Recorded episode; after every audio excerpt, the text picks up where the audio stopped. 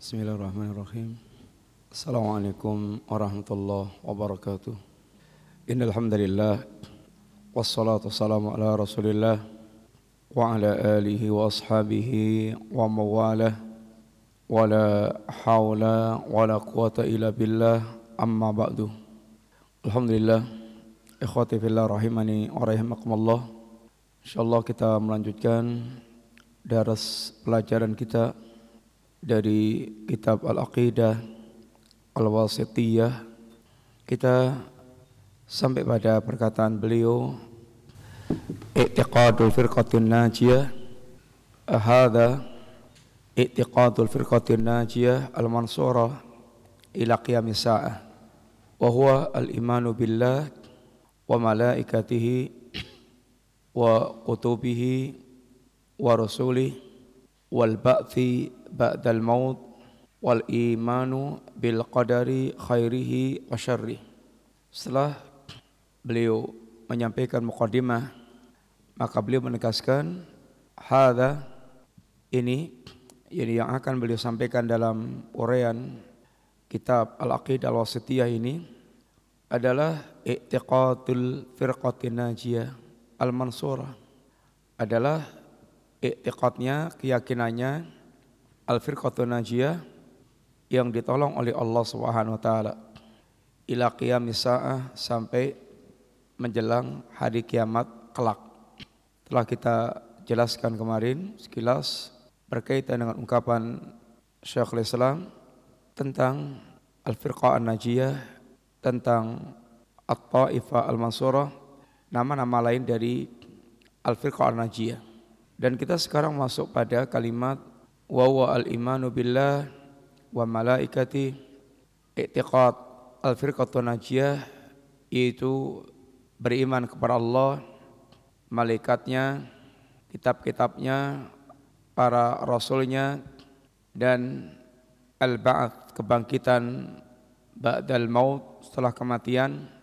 Wal imanu bil qadar khairi wa syarri dan iman kepada takdir baik yang baik maupun yang buruk ini adalah i'tiqad al-firqah an-najiyah. Akidah al-sunnah wal jamaah inti akidahnya ya berkaitan dengan pembahasan arkanul iman pembahasan tentang arkanul iman rukun-rukun iman. Fokusnya ini sekitar itu. Sehingga jika seorang dia ingin mendidik manusia untuk memiliki akidah. Ya pendidikannya berkisar pendidikan tentang arkanul iman. Bagaimana menanamkan iman kepada Allah Subhanahu wa taala sampai iman kepada yakni takdir. Inilah pendidikan untuk menanamkan yakni keimanan pada diri seseorang. Maka para ulama ketika bicara tentang akidah Ahlussunnah wal Jamaah banyak mereka yang kemudian pembahasannya pada arkanul iman. Pembahasan tentang iman kepada Allah, iman kepada malaikat, kitab, rasul, yaumul akhir, dan takdir. Fokus pada pembahasan bagaimana betul-betul membekali seorang memiliki akidah yang lurus tentang Allah, tentang malaikat, dan seterusnya itu. Maka orang yang mereka hatinya benar-benar tertanam akidah arkanul iman dengan lurus, maka dia akan memiliki bekal yang sangat ini kokoh dalam mewujudkan kehidupannya sebagai seorang mukmin. Para ulama ada yang menerangkan dengan ringkas, ada yang menerangkan dengan panjang lebar berkaitan dengan arkanul iman tergantung kebutuhan. Iman kepada Allah, bagaimana mengenalkan kepada manusia tentang wujud Allah, rububiyah Allah, uluhiyah Allah, asma dan sifat. Ini kisaran pembicaraan iman tentang Allah Subhanahu wa taala. Pendidikan yang mengantarkan orang untuk kemudian muncul dalam hatinya rasa pengagungan terhadap Allah, rasa kecintaan kepada Allah, bahkan rasa kerinduan terhadap Allah Subhanahu wa taala. Dan itu yang akan menjadi landasan seorang dia untuk mewujudkan ubudiyah kepada Allah Ta'ala. Karena seorang tidak akan muncul kecintaan, pengagungan apalagi kerinduan kecuali dengan mengenal Allah Ta'ala. Demikian pula berkaitan dengan tuntutan iman, jadi iman kepada malaikat, di antara eh, di antara makhluk gaib yang wajib untuk diimani sebagaimana penjelasan Allah dan Rasulnya tentang para malaikat bahwa malaikat itu ada memiliki yakni wujud yang diterangkan oleh Allah dan Rasulnya malaikat ada yang namanya diterangkan kepada kita, ada yang namanya tidak diterangkan kepada kita. Malaikat jumlahnya kita tidak mengetahui. Baitul Makmur saja setiap kali masuk 70 ribu malaikat, setiap hari masuk ke Baitul Makmur 70 ribu malaikat, keluar tidak pernah kembali lagi. Sehingga berapa jumlah malaikat kita tidak ini mengetahui, hanya Allah yang mengetahui. Dan malaikat termasuk di antara junudullah. Ini pasukan Allah. Sehingga di waktu perang Badar Allah kirimkan pula pasukan dari kalangan para malaikat. Sehingga para sahabat menyaksikan banyak kepala-kepala yang terpenggal. Dalam keadaan mereka tidak mengetahui siapa yang memenggal yaitu kepala orang-orang kafir tersebut. Demikian pula tugas dan fungsi yang Allah jelaskan tentang para malaikat.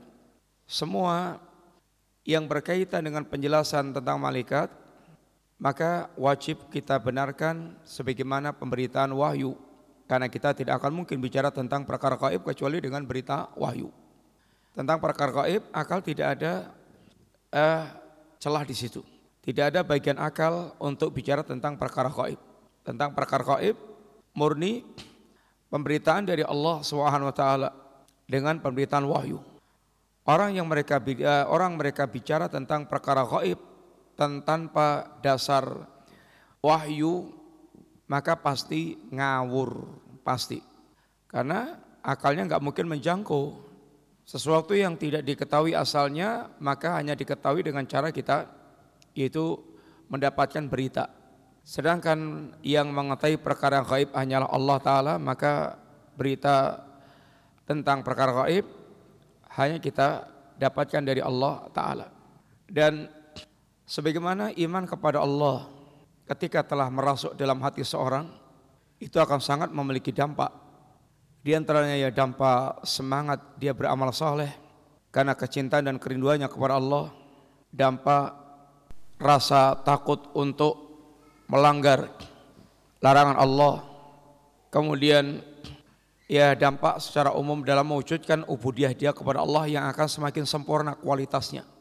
Sehingga kata Ibnu Qayyim, akmalun nas ubudiyatan al muta'abbid bi jami'il asma'i wa sifat allati yutali'u alihal bashar manusia yang paling sempurna penghambaannya kepada Allah adalah orang yang beribadah kepada Allah dengan semua nama-nama dan sifat yang telah Allah jelaskan kepada mereka.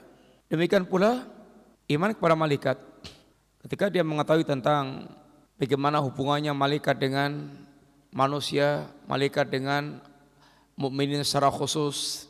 Maka di antaranya dia tidak akan menyakiti malaikat dengan kemaksiatan-kemaksiatan yang dia lakukan. Karena malaikat akan menjauh, menyingkir dari orang yang mereka melakukan perbuatan maksiat. Mereka akan memiliki rasa malu dengan malaikat. Ini adalah di antara dampak daripada iman kepada malaikat ketika dia faham siapa itu malaikat, apa hubungannya dengan ini kaum mukminin, bagaimana kecintaan malaikat kepada kaum mukminin, bagaimana malaikat senantiasa menjaga kaum mukminin, bahkan mendoakan mereka, maka dia akan sangat akan sangat berdampak keimanan demikian dalam kehidupan dia. Demikian pula iman kepada kitab. Dia mengimani Allah telah pernah menurunkan kitab-kitab kepada para nabi, para rasul. Ada kitab yang kita ketahui namanya, ada kitab yang tidak kita ketahui namanya. Kemudian lebih khusus lagi berkaitan kitab Al-Quran yang Allah turunkan kepada Rasulnya akhir zaman. Sehingga keimanannya kepada kitab yang menjadikan dia bagaimana mensakralkan Al-Quran dan betul-betul menjadikan kitab panduan dalam kehidupannya.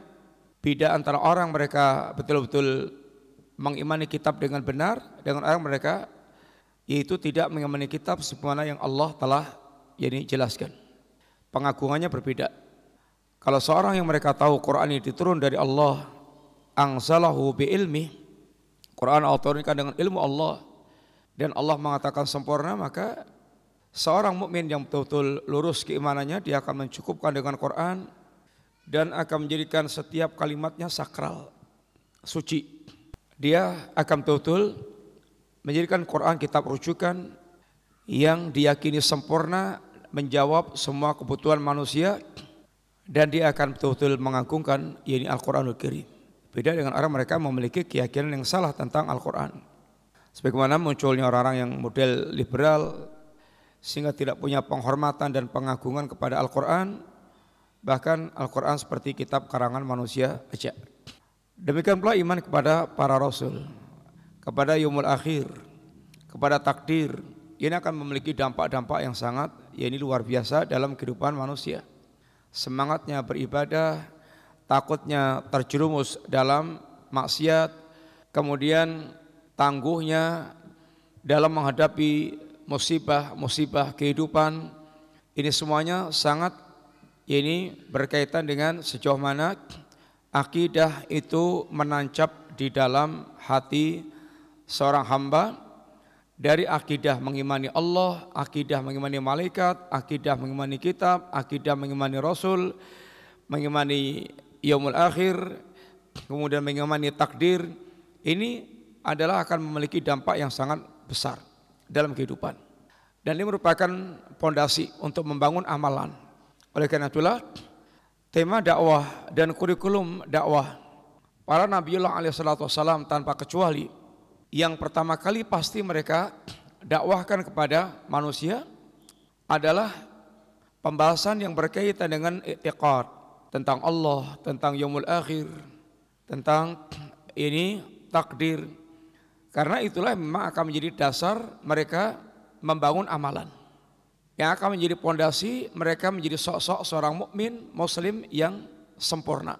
Yang tanpa pendasaran akidah ini tidak akan muncul amalan-amalan yang hebat, amalan-amalan yang sangat luar biasa. Maka ungkapan Nabi tentang kaum mukminin ajaban li amril mukmin sangat menakjubkan perkara seorang mukmin itu adalah karena mereka telah memiliki akidah yang menancap dalam hati mereka yang mendasari semua amaliyah yang dia lakukan baik dalam hal melaksanakan perintah baik dalam hal meninggalkan larangan, baik dalam hal menghadapi segala macam musibah-musibah kehidupan yang mereka terima. Sehingga muncullah generasi yang sangat menakjubkan dan mengagumkan. Dan pembahasannya secara khusus dampak-dampak itu akan bisa kita lihat dalam kisahnya para sahabat dan kisahnya para salaf bagaimana kisah-kisah yang menakjubkan tentang kehidupan mereka dampak dari tertanamnya akidah yang lurus dalam hati mereka. Dan itulah yang menempati posisi akar seandainya itu pohon dan yang menempati posisi pondasi seandainya itu adalah ini bangunan. Kemudian adapun keimanan atau iman kepada enam perkara ini semuanya terambil dari ayat Al-Qur'an dan hadis Rasulullah sallallahu alaihi wasallam. Hadis Nabi Sebagaimana hadis yang dikenal dengan hadis Jibril ketika Jibril bertanya kepada Rasulullah SAW, akhbirni anil iman. Ya Muhammad, kabarkan kepadaku tentang yani iman. Maka Nabi sebutkan tentang yaitu arkanul iman antuk mina billahi wa malaikatihi wa kutubihi wa rusulihi wal yawmil akhir wa tu'mina bil qadari khairihi wa syarrih. Ini adalah ini dasar ucapan beliau berkaitan dengan yaitu tentang iman atau i'tiqad al-sunnah wal jamaah. Yang kemudian ketika berbicara tentang i'tiqad al-sunnah wal jamaah setelah arkanul iman meluas kepada perkara-perkara yang menjadi pembeda antara ahlu sunnah dengan ahlul bid'ah. Di antaranya pembicaraan tentang para sahabat itu masuk dalam i'tiqad ahlu sunnah wal jamaah.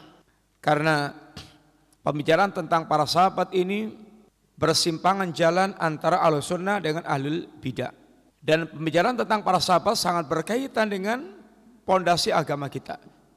Karena para sahabat adalah rujukan kita dalam beragama. Apabila hancur akidah tentang para sahabat, hancur agama Anda. Maka Syiah sangat berambisi untuk menghabisi para sahabat, menghancurkan keyakinan kaum muslimin tentang para sahabat.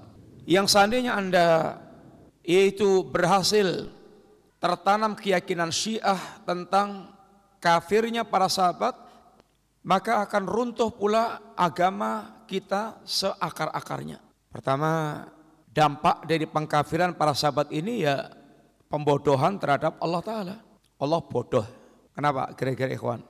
Kenapa keyakinan tentang para sahabat kafir dampaknya atau kelasimannya berarti akan membodohkan Allah Ta'ala. Allah bodoh. Kenapa? Pembodohan kepada Allah berapa banyak tempat di ayat Al-Quran yang Allah memuji para sahabat Nabi. Pujian ulai kaum sadiqun, pujian ulai kaum muflihun, pujian ulai kaum rasidun, pujian ini ulai kaum mu'minuna haqqan, pujian radhiyallahu anhum radu'an, Tahu-tahu setelah Nabi wafat, para sahabatnya ini kafir, murtad. Berarti Allah bodoh. Ternyata Allah nggak tahu.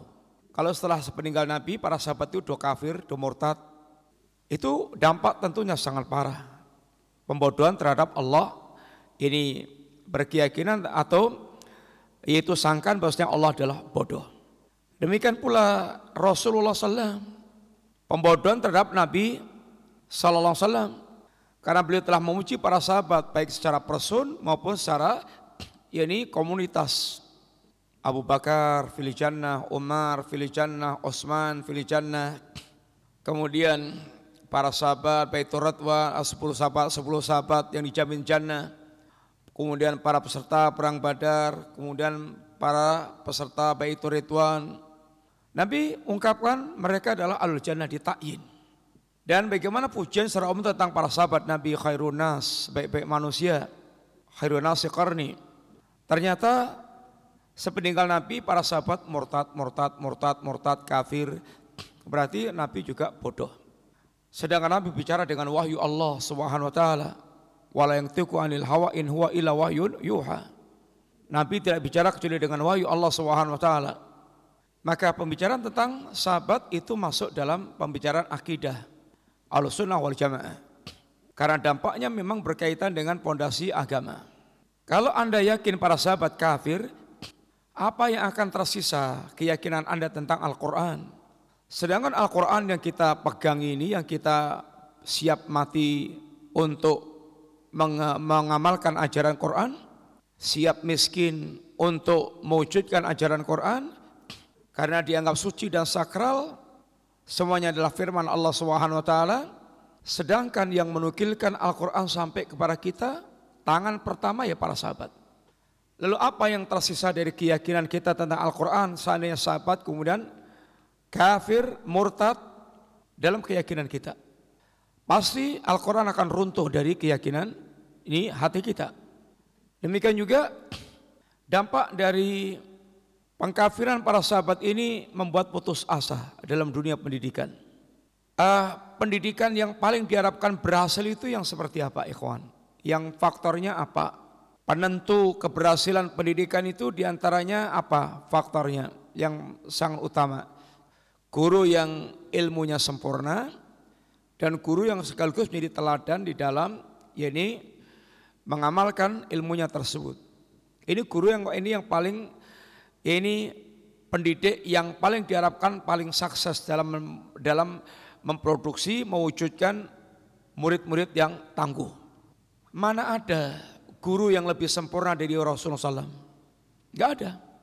Kalau guru sesempurna Nabi aja gagal mewujudkan yaitu pendidikan. Nyatanya murid-muridnya murtad semuanya, kafir semuanya kecuali berapa gelintir aja. Terus guru yang seperti apa yang akan diharapkan untuk bisa? Yaitu menelorkan murid-murid yang tangguh. Demikian juga dalam pembahasan para ulama ketika bicara tentang akidah alusunal jamaah juga memasukkan Itu pembahasan tentang wulatul umur, sikap kepada pemerintah, sikap pada penguasa. Ini masukkan pula di dalam akhir pembicaraan akidah al jamaah karena memang berbeda dengan ahlul bidah. Dan ini sangat berkaitan dengan tegaknya agama, dunia dan agama. Kemudian setelah beliau membawakan perkataan tadi, ini itiqad al-sunnah wal jamaah al-mansurah adalah al-iman billah wa malaikati wa kutubi wa rasuli wal ba'ath ba'dal maut wal qadar khairi wa syarri. Beliau mengatakan wa minal imani billah. Dan di antara iman kepada Allah Subhanahu wa taala al imanu bima wasafa bi nafsahu fi kitabih al aziz wa bima wasafahu bihi rasuluhu Muhammadun sallallahu alaihi wasallam. Min ghairi tahrifin wala ta'tilin wa min ghairi takyifin wala tamthilin. Di antara iman kepada Allah adalah iman terhadap apa yang Allah sifatkan dirinya dalam kitabnya Al-Quran yang sangat agung dan iman terhadap apa yang Nabi Rasul sifatkan tentang Allah dalam hadis-hadis beliau min ghairi tahrifin wala ta'tilin wa min ghairi takyifin wala tamthilin. Wa minal imani billah dan di antara iman kepada Allah Ta'ala, beliau setelah menyebutkan kepada kita keimanan yang global, keimanan kepada Allah, malaikat, kitab, rasul, yaumul akhir, takdir, beliau kemudian mulai masuk dalam rincian dari arkanul iman tersebut dan beliau di antaranya ingin berpanjang lebar berkaitan dengan iman kepada Allah Subhanahu wa taala. Sehingga nanti akan kita dapatkan penjelasan berkaitan dengan iman kepada Allah ini lebih mendominasi pembahasan dalam kitab Al-Aqidah Al-Wasitiyah ini. Dan khususnya khususnya di sini beliau langsung berbicara tentang keimanan kepada Allah dalam perkara nama dan sifat. Kalau berbicara tentang Allah itu mestinya tidak lepas bicara tentang rububiyah Allah, bicara tentang uluhiyahnya Allah. Yang tauhid itu tidak akan terwujud kecuali dengan mewujudkan tauhid yang tiga. Rububiyah, asma wa sifat, kemudian uluhiyah. Orang tidak akan dikatakan mentauhidkan Allah kecuali mewujudkan tiga jenis tauhid ini. Rububiyah dan asma sifat ini menjadi dalil yang terkuat untuk mewujudkan tauhid uluhiyah. Karena yang berat disembah adalah yang memiliki rububiyah dan memiliki kesempurnaan sifat. Yang tidak memiliki rububiyah dan tidak memiliki kesempurnaan sifat tidak berhak untuk disembah. Oleh karena itulah akan antum dapatkan di setiap ajakan Allah mentauhidkan Allah pasti Allah menyertakan penjelasan tentang rububiyahnya atau tentang kesempurnaan sifatnya. Contoh, ketika Allah memerintahkan kita ya ayuhan nasu butu rabbakum. Ya ayuhan nasu butu rabbakum. Wahai manusia sembahlah Allah Rabb kalian. Kemudian ditutup dengan ayat fala taj'alu lilai anda dan wa antum ta'lamun. Maka jangan sekali-kali kalian membuat tandingan bagi Allah sedangkan kalian mengetahui. Ini adalah perintah untuk betul-betul mentauhidkan Allah Ta'ala. Jangan menyembah yang lainnya. Apa alasannya? Alladhi khalaqakum walladhina min qablikum alladhi ja'ala lakumul arda firasha was sama'a bina'a wa angsala minas sama'i ma'an fa akhraja bihi minat thamarati rizqalakum ini semuanya adalah penjelasan tentang rububiyah Allah yang menciptakan kalian, yang mengamparkan bumi, yang menjadikan langit sebagai atap, yang menurunkan air hujan, yang menumbuhkan tetumbuhan, yang mengeluarkan buah-buahan sebagai rezeki buat kalian. Dan tidak ada yang melakukan ini kecuali Allah Ta'ala. Maka Allah memerintahkan kita menyembah Allah, Allah jelaskan karena Allah yang memiliki rububiyah.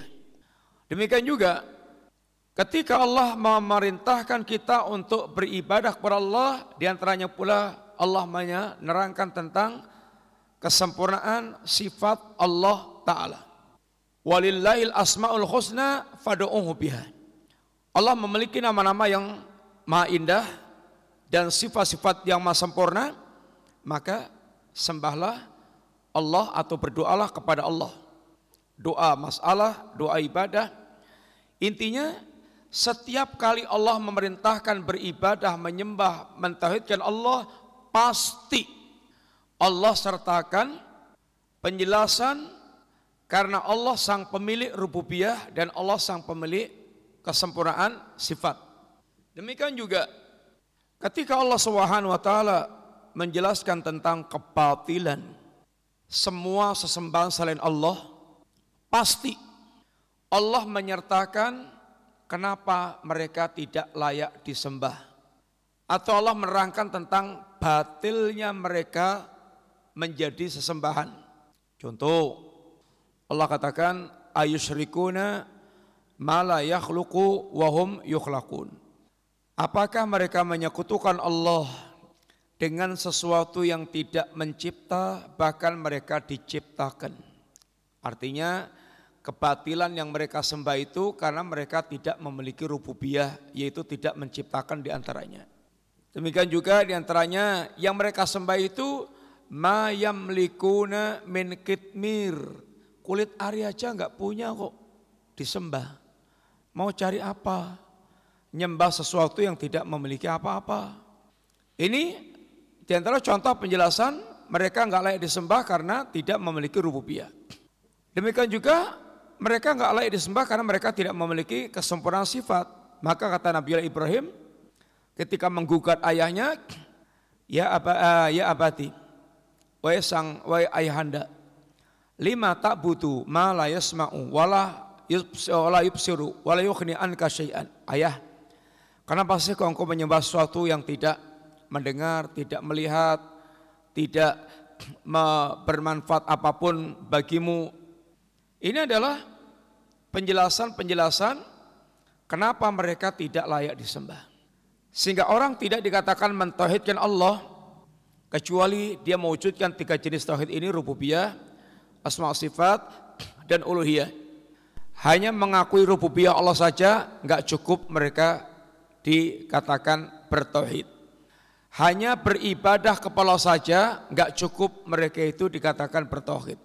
Sampai mereka beribadah kepada Allah dengan memurnikan ibadahnya itu semata untuk Allah baru dia dikatakan orang yang bertauhid. Sehingga tidak dikatakan orang bertauhid kecuali mengumpulkan anafi wal isbat.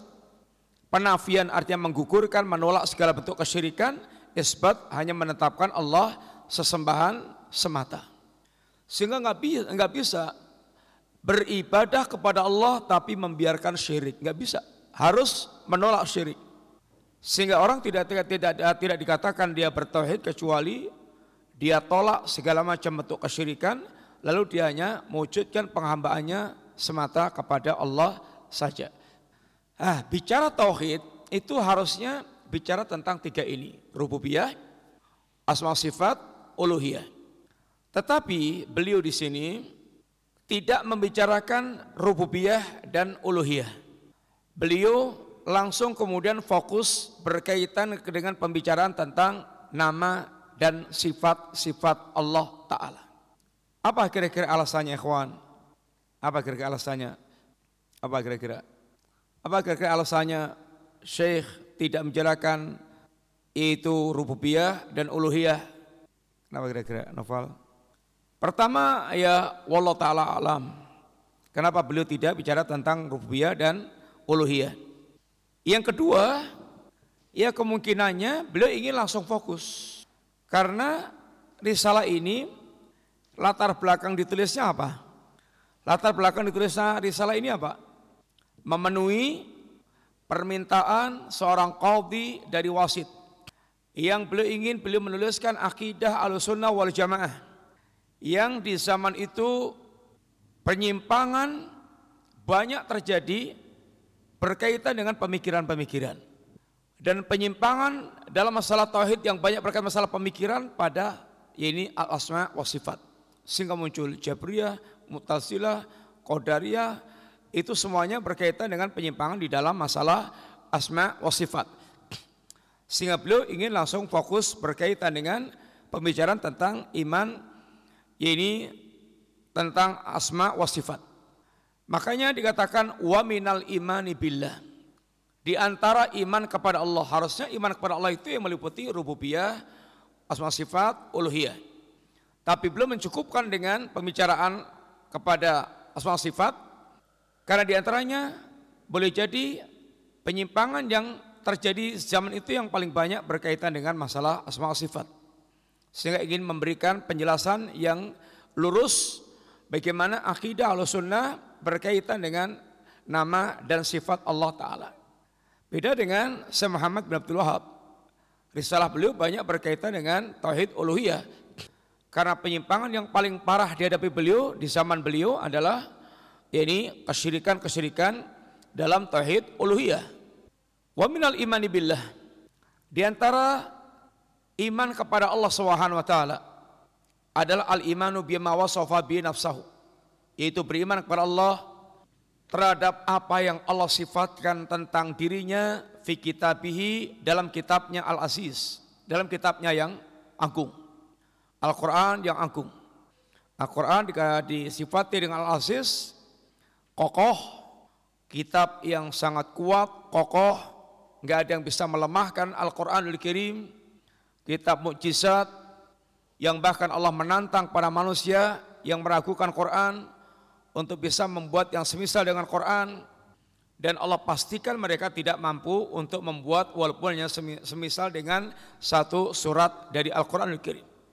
Demikian pula beriman dengan apa yang disifatkan oleh Nabi tentang Allah dalam hadis-hadis beliau. Sehingga seorang mukmin yang mereka memiliki sikap taslim itu terhadap pemberitaan-pemberitaan dari Allah Subhanahu wa taala akan dia tasdik, akan dia benarkan. Ungkapan seorang ulama salaf yang sangat indah, minallahi arisalah wa ala rasuli al balagh wa alaina at-taslim. Risalah ini datanya dari Allah. Kemudian tugas Rasul adalah menyampaikan risalah. Dan kewajiban kita adalah atas lim. Risalah ini datanya dari Allah. Harus menjadi keyakinan yang bulat bahwa risalah ini bukan dari manusia, bukan dari filosof, bukan dari sekelompok orang, tapi risalah ini datang dari Allah Subhanahu wa taala yang Maha sempurna sehingga kita yakin seyakin-yakinnya tanpa ada keraguan tentang sempurnanya dan sucinya risalah tersebut apalagi Allah yang telah menegaskan Allah yang menjaga langsung. Al-Quran yang Allah turunkan agama yang Allah turunkan. Kemudian kewajiban Rasul adalah al-balagh menyampaikan. Dan Rasul adalah seamanah-amanah penyampaian orang yang paling amanah dalam menyampaikan risalah. Maka kata Imam Malik manib tada'a fil islami bid'atan fayaraha hasanatan Fakat za'ama anna Muhammadan khana risalah. Barang siapa yang membuat membuat bid'ah dalam Islam, membuat sebuah bid'ah dalam Islam, lalu dia pandang bid'ahnya itu baik, maka dia telah menuduh bahwa Rasulullah SAW khianat terhadap risalah Allah. Kenapa? Lianna Allah yaqul karena Allah telah mengatakan Al-yawma akmaltu lakum dinakum wa atmamtu alaikum nikmati wa raditu lakum al-islam madina. Fama lam yakun yawma idin dinan, apa yang hari turunnya ayat itu bukan agama, fala yakun al yawma dina. Hari ini juga bukan bukan perkara agama. Maka orang yang mereka suka menambah-nambah berkreasi dalam agama itu keyakinannya boleh jadi yang pertama Islam belum sempurna sehingga baru sempurna dengan tambahan-tambahan yang dia tambahkan atau kalau dia telah meyakini Islam sempurna maka kemungkinan yang kedua dia menuduh Rasulullah SAW khianat terhadap risalah Allah sehingga ada yang belum disampaikan sehingga perlu ditambah dari apa yang mereka ingin tambahkan biar kelihatan lebih bagus kelihatan lebih sempurna tentu semuanya kebatilan. Maka bagi para kreator dalam perkara agama, apa kata Ibnu Mas'ud? La'allakum ahda ala mila ini la'allakum ala milatin ahda an milati Muhammad sallallahu alaihi wasallam. Boleh jadi kalian merasa di atas agama atau di atas amalan yang lebih lurus dibandingkan dengan amalan dengan agamanya Nabi Sallam. Atau memang au muftatihu babil dalalah atau akan menjadi pembuka pintu-pintu kesesatan. Ini pelaku bid'ah tidak akan keluar dari dua hal ini. Imma dia merasa dengan agamanya, amalnya itu lebih sempurna, lebih baik dibandingkan dengan ajaran Nabi, amalan yang diajarkan Nabi, atau dia memang sengaja ingin menjadi pembuka pintu fitnah bagi generasi berikutnya. Kemudian kawan, mengimani tentang yaitu uh, wa'ala wa'alaina at-taslim dan kewajiban kita adalah taslim. Taslim kalau berkaitan dengan khobar itu wujudnya adalah tasdik. Taslim itu kalau berkaitan dengan khobar maka wujudnya adalah tasdik. Kalau wujudnya perintah dan larangan, eh, kalau terhadap kalau taslim itu kepada perintah dan larangan, wujudnya adalah asam wa ta'ah, yaitu mendengar dan taat. Dan beliau ini sedang meletakkan kaidah bagaimana mengimani nama-nama dan sifat Allah Subhanahu wa taala. Sebelum nanti beliau menyampaikan secara rinci satu persatu dari sifat-sifat Allah Subhanahu wa taala, maka beliau awali dengan meletakkan kaidah bagaimana cara kita mengimani nama-nama dan sifat-sifat Allah Subhanahu wa taala. Kaidahnya seperti yang beliau sampaikan di sini tadi, menetapkan atau mengimani semua nama-nama dan sifat yang Allah telah sebutkan dalam kitabnya dan Nabi sebutkan dalam sunnahnya tanpa melakukan tamsil, tahrif, takyib, taktil. Ini kaidah. Untuk Selanjutnya nanti kita bagaimana mensikapi setiap mendapatkan nas yang berkaitan dengan nama dan sifat Allah Subhanahu taala. Maka Ahlus Sunnah, akidah Ahlus Sunnah adalah menetapkan atau mengimani semua apa yang Allah sebutkan dalam Al-Qur'anul Karim tentang sifat-sifat dirinya. Dan mengimani tentang semua yang disebutkan oleh Nabi dalam hadis beliau tentang sifat-sifat Allah Subhanahu wa taala. Sehingga kalau ada ayat Aamintum man fis sama.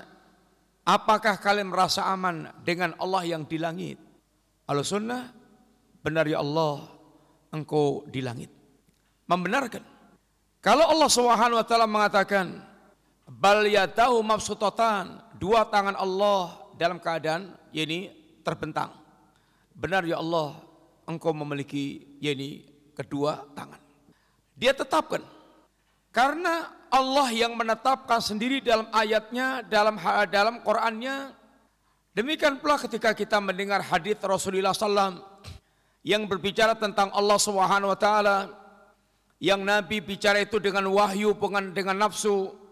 Seperti maunya Nabi mengatakan tentang ini uh, Allah ridha, Allah tertawa, Allah turun dan yang lain-lainnya. Maka sikap seorang mukmin wa alaina at-taslim bagi kita sikapnya adalah taslim khobar-khobar yang Allah sampaikan itu yaitu kita semuanya tasdik membenarkan tidak ada yang kita dustakan ini tuntutan iman kepada Allah Subhanahu wa taala mengimani membenarkan semua berita tentang diri Allah yang Allah sebutkan dalam ayat, Nabi sebutkan dalam hadis, maka semua berita-berita tentang Allah itu maka kita benarkan. Dan membenarkan apa yang Allah Subhanahu wa taala telah beritakan tentang dirinya itu bukan seperti yang disangka oleh ahlul bid'ah yang membenarkan mempercayai membenarkan apa yang Allah beritakan tentang dirinya berarti konsekuensinya kelazimannya tasbih menyerupakan Allah dengan makhluk. Ini sangkaan ahlul bid'ah. Sehingga ahlus sunnah digelari ahlul bid'ah dengan kaum mujassimah kaum musabbihah. Kaum yang menyerupakan Allah dengan makhluk. Kaum yang mujassim menjisimkan Allah. Bahkan model seperti ini oleh alul bid'ah dikafirkan. Kafir karena menyerupakan Allah dengan makhluk. Maka alul bid'ah menuduh al sunnah dengan mujassimah atau musyabbihan maka Syekhul Islam menjelaskan bahwa menetapkan nama-nama dan sifat Allah Subhanahu wa taala itu min ghairi tahrifin tanpa melakukan tahrif. Wala ta'tilin tanpa melakukan taktil wa min ghairi takyifin wala tamsilin tanpa melakukan takyif. Dan tanpa melakukan tamsil. Karena ini semuanya tarekohnya ahlul bid'ah. Tahrif taktil takyif tamsil ini tarekohnya ahlul bid'ah Ahlu sunnah menetapkan nama-nama dan sifat Allah tanpa melakukan ini semuanya. Tahrif. Apa itu tahrif? Tahrif itu artinya takhir, merubah. Bagaimana bentuk merubahnya itu? Bisa merubah lafadznya, bisa merubah maknanya. Tahriful lafdi dan tahriful maknawi. Merubah lafadznya dan merubah atau merubah maknanya. Merubah lafadznya itu bisa dengan cara menambah huruf atau mengurangi huruf atau merubah harokat. Ini adalah masuk dalam tahriful lafzi, melakukan penyimpangan lafad. Contoh mamanya istawa, istawa. Ini Allah istiwa. Ahlul bid'ah dia tidak mau menetapkan Allah istiwa karena kebayang menyerupakan Allah dengan makhluk. Maka kemudian ditahrif, disimpangkan, dirubah dengan menambah huruf menjadi istaula yang artinya berkuasa. Karena kalau istiwa itu bayangannya kayak makhluk. Maka diganti dengan istaula. Istawa menjadi istaula itu menambah ya ini pakai lam istaula ditambah dengan lam menjadi berkuasa. Ini namanya tahrif dengan menambah huruf. Contoh tahrif dengan merubah harokat. Wa kallamallahu Musa takliman. Qur'annya begitu. Yang artinya Allah benar-benar berbicara dengan Musa. Mosok Allah bicara. Mosok Allah bicara. Susah. Mereka menerima susah maka dia rubah wa kallamallaha Musa takliman. Artinya jadi dan Musa berbicara dengan Allah. Sehingga itu yang makul masuk akal menurut mereka. Tapi kalau Allah bicara dengan Musa nggak masuk akal, susah difahami. Kalau hanya manusia bicara dengan Allah, ya kita semuanya bicara dengan Allah Ta'ala. Apa istimewanya?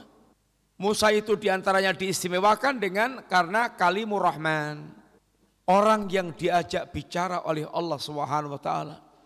Ini namanya merubah harokat.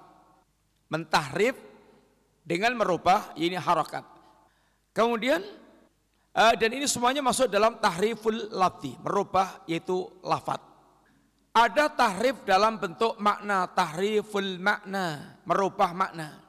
Sehingga makna uh, dari apa yang disampaikan Allah dirubah sesuai dengan keinginannya. Contoh mamanya iat tangan. Wah, kok tangan? Kayak makhluk aja punya tangan. Maka dirubah makna tangan itu dengan kekuasaan. Itu namanya merubah makna. Sehingga tahrif baik lafaz maupun makna ini adalah penyimpangan. Dan menunjukkan dia sok lebih tahu. Sok lebih tahu. Allah memberitakan kemudian dia tolak-tolak, dia rubah-rubah. Orang yang mentahrib seperti ini awalnya pasti dia mumathil, mentamsil. Dari mentamsil kemudian mentaktil. Supaya enggak kelihatan taktil yang jelas maka mentahrif. Kenapa dia mentahrif? Ya karena dia pertama terbayang tamsil, menyerupakan Allah dengan makhluk. Maka supaya dia terhindar dari merupakan Allah dengan makhluk, maka dia tahrif. Yang tahrif itu pasti ada unsur taktilnya. Sehingga kullu muharrib mu'attil. Setiap orang yang muharrib itu pasti mu'atil. Pasti. Kalau dia tidak mu'atil tidak akan mentahrib. Tapi tidak setiap mu'atil muharrib. Tidak setiap orang menolak kemudian dia ma, ma mentahrib. Tapi setiap yang mentahrib pasti dia melakukan penolakan. Sehingga al-sunnah menetapkan semua sifat-sifat yang Allah jelaskan tentang dirinya dalam Quran dan hadis Nabi. Yang pertama tanpa melakukan tahrif tanpa melakukan ini tahrif. Kemudian wala taktilin dan tidak melakukan taktil. Taktil, mentaktil itu mengosongkan. Mu'attal itu mengosongkan. Bi'rul mu'attal ini sumur yang kosong. Sumur yang kosong. Yang tidak diurus. Al-Sunnah menetapkan nama dan sifat Allah tanpa melakukan taktil, tanpa melakukan penolakan. Bagaimana Allah yang menetapkan kemudian kita menolak? Bagaimana Allah menetapkan dan kemudian kita menolak? Wahai hambaku, aku punya tangan. Enggak mungkin, enggak mungkin ya Allah engkau punya tangan. Mesti maksudnya bukan tangan, mesti maksudnya ini. Masih orang ngerti, tiga ngerti, sosok komentar, sok lebih ngerti. Mestinya kalau dia betul-betul mengimani Allah, ya dia membenarkan apa yang diberitakan Allah Subhanahu wa. Bagaimana dia mentaktil ya, bagaimana dia yaitu menolak. Wong Allah menetapkan. Sehingga di antara penyimpangan di dalam yaitu mengimani nama dan seolah adalah taktil, menolak. Yang menolak ini berangkatnya itu pengen mensucikan Allah Ta'ala. Dia tolak karena ingin menyucikan Allah Ta'ala. Supaya dia tidak terjerumus dalam menyerupakan Allah dengan makhluk. Maka dia tolak dalam rangka menyucikan Allah. Maka ini bid'ah itu di antaranya muncul dari sekedar niat yang baik. Agama tidak cukup dengan niat yang baik. Caranya harus benar. Dan yaitu Niat yang baik itu terkadang sampai pada mengantarkan seorang dia menjadi ini kufur. Bid'ah di antaranya muncul dari sekedar modal niat yang baik. Sampai bid'ah yang tingkat kufur sebagaimana penolakan terhadap sifat-sifat Allah ini kufur. Tetapi niat mereka bagus yaitu menyucikan Allah agar tidak serupa dengan makhluk lalu dia melakukan taktil sehingga lari dari kekufuran menyerupakan Allah dengan makhluk masuk dalam kekufuran menolak sifat-sifat yang Allah ini telah terangkan. Adapun yang mentaktil ini modelnya macam-macam, bertingkat-tingkat. Ada di antara mereka yang mentaktil total seperti Jahmiyah, menolak semua nama dan sifat. Ada yang mentaktilnya itu enggak total, kayak Mu'tazilah menetapkan nama tapi menolak sifat. Ada yang taktilnya menetapkan nama, menetapkan sifat sebagian, sebagian ditolak dengan cara ditahrif.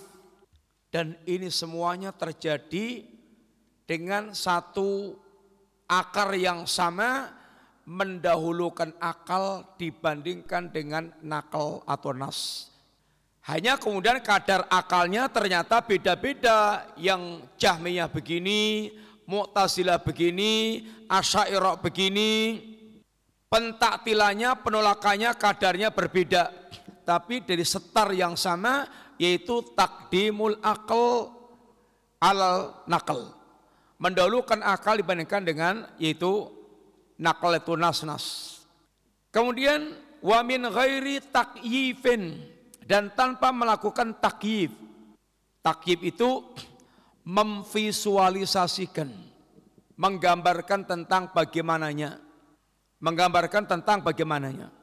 Kenapa ahlu sunnah menetapkan tanpa mentakyif? Orang bisa mentakyif, bisa menggambarkan bagaimananya sesuatu itu dengan tiga hal. Dia melihat barangnya. Bisa nggak antum gambarkan kepada saya gajah? Bisa. Kenapa? Saya sudah pernah lihat gajah. Bisa karena karena pernah melihat barangnya bisa menggambarkan bagaimana gajah itu. Atau melihat yang serupa, bisa enggak Antum gambarkan kepada saya macan atau singa. Ibarat katakanlah singa mirip serupa dengan kucing, hanya singa gede, kucing kecil. Dia sudah melihat pernah melihat kucing. Bisa saya gambarkan singa, singa itu gini gini gini gini gini gini. Kenapa? Saya sudah pernah melihat yang serupa dengan singa. Atau yang ketiga, mendapatkan info dari orang terpercaya sehingga beritanya valid. Tiga-tiganya ini tentang Allah kita tidak mendapatkan. Melihat Allah kita enggak melihat Allah. Melihat yang serupa Allah kita enggak melihat serupa dengan Allah. Mendapatkan info dari Nabi yang terpercaya tidak mendapatkan pula. Maka mengimani nama dan sifat Allah seperti yang tercantum dalam Quran dan Sunnah tanpa melakukan di antaranya tanpa melakukan takyif tanpa melakukan ya ini menggambarkan tentang bagaimananya.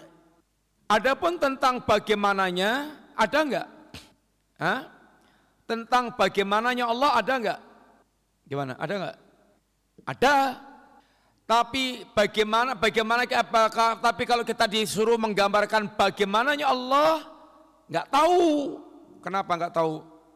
Ya karena kita enggak melihat Allah, enggak melihat serupa dengan Allah, nggak mendapatkan info kepercayaan ada yang percaya terpercaya sehingga kita meyakini ya ini Allah punya tangan Allah turun bagaimananya kita nggak tahu karena alasannya seperti tadi sehingga tanpa melakukan takyif dan tanpa melakukan tamsil kenapa kita tidak mentamsil ya karena tidak ada yang serupa dengan Allah laisa kami syai' Tidak ada yang serupa dengan Allah Subhanahu wa taala.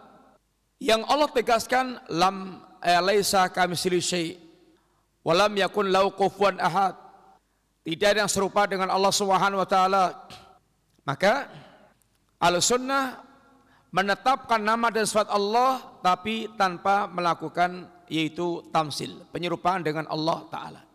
Maka dikatakan bal yu'minuna akan tapi kalau sunnah beriman kepada Allah Subhanahu wa taala bi annallaha laisa kamitsili syai. Bahasanya Allah tidak serupa dengan suatu apa pun. Kaidah yang Allah ajarkan kepada kita dirangkum dalam satu ayat ini laisa kamitsili syai wa huwas samiul basir. Laisa kamitsili syai Allah tidak serupa dengan apa pun. Wa huwas samiul basir Allah maha mendengar lagi maha melihat. Yang ini penafian, ini penetapan. Ahlul bid'ah seringnya hanya membawakan ayat laisa kamislihi syai. Allah tidak serupa dengan apa pun. Maka semua yang berbicara tentang sifat-sifat Allah langsung ditolak semuanya. Karena Allah nggak serupa dengan apa pun. Dia enggak memperhatikan lanjutan ayatnya wawas samiul basir. Allah Maha mendengar lagi Maha melihat. Ini penetapan. Dan tidak bertentangan antara yang kalimat awal dengan kalimat kedua. Kita menetapkan Allah samiun basirun tanpa menyerupakan Allah dengan makhluk.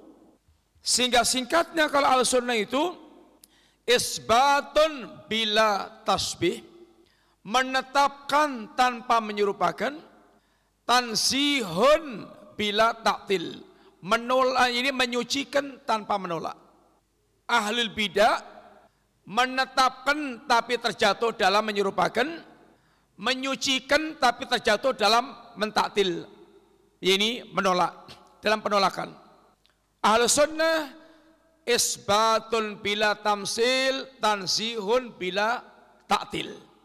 Ini ringkas daripada kaidah dalam mengimani nama dan sifat Allah. Beliau ajarkan ini pertama sebelum beliau menyebutkan tentang rincian daripada nama-nama dan sifat Allah Ta'ala agar kita tahu bagaimana kaidah nanti dalam kita mengimani sifat-sifat yang akan beliau jelaskan dalam bab-bab yaitu selanjutnya. Dan Imam Malik telah mengajarkan kaidah yang kemudian dipegang al sunnah dalam hal ini yang sangat terkenal ketika beliau ditanya tentang kaifa istiwa kaifa istiwa'u ada orang tanya ya imam ar-rahmanu stawa alal arsh. Ar-rahman istiwa di atas arsh. Bagaimana istiwanya Allah?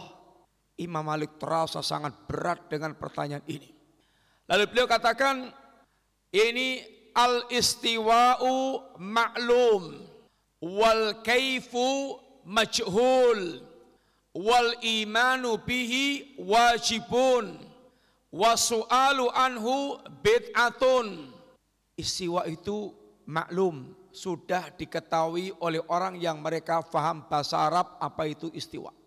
Adapun kaif bagaimananya majhul nggak diketahui. Karena kita nggak melihat Allah, nggak melihat yang serupa dan tidak mendapatkan info akurat. Iman kepada istiwa wajib karena Allah yang menjelaskan sendiri tentang istiwanya dalam Quran dan juga sunnah Nabi. Dan bertanya tentang bagaimana istiwanya Allah bid'ah karena Nabi, eh, Rasul Nabi dan para sahabat tidak pernah mempertanyakan hal yang seperti itu. Ini adalah jawaban Imam Malik yang pernah menjadi kaidah al-sunnah dalam mengimani nama-nama dan sifat-sifat Allah Subhanahu wa taala. Sampai sini dulu ikhwan apa yang kita sampaikan dari perkataan Syekh beliau mulai masuk yaitu rincian rukun iman yang diawali dengan iman kepada Allah tapi pembicaraan tentang iman kepada Allah hanya pada bagian iman kepada sifat-sifat Allah Subhanahu wa taala. Dan sebelum beliau masuk kepada rincian apa yang akan beliau sampaikan dari sifat-sifat Allah taala, beliau mengajarkan dulu kaidah bagaimana harusnya kita mengimani nama-nama dan sifat-sifat Allah Subhanahu wa taala. Sampai sini kita cukupkan dulu. Ada pertanyaan? Pertanyaan pertama, apa pentingnya para ulama membahas tentang ini akidah? Apa pentingnya pembahasan akidah dalam agama kita ini? Ya, saya mau jawab, Ikhwan. Ya karena kita ini menjadi fondasi dalam agama kita sehingga kedudukannya seperti akar bagi pohon atau fondasi bagi ini bangunan. Kemudian kenapa Sunnah tidak mentakyif dalam mengimani nama dan sifat Allah Ta'ala dalam mengimani sifat Allah Ta'ala ya karena untuk mentakyif itu harus melihat atau melihat yang serupa atau mendapatkan info yang akurat sedangkan kita tidak melihat Allah, tidak melihat yang serupa, tidak mendapatkan info, maka al-sunnah dalam menetapkan sifat Allah tanpa mentakif. Tahrif. Apa itu tahrif? Akhwat. Tahrif maknanya apa? Takhir. Pertanyaan berikutnya, terangkan tentang macam-macam tahrif. Tahrif Secara bahasa maknanya adalah takhir tadi sudah diterangkan. Terus tahrif ini macamnya ada dua macam apa itu? Tahriful lafzi mentahrif lafat dan tahriful makna mentahrif makna.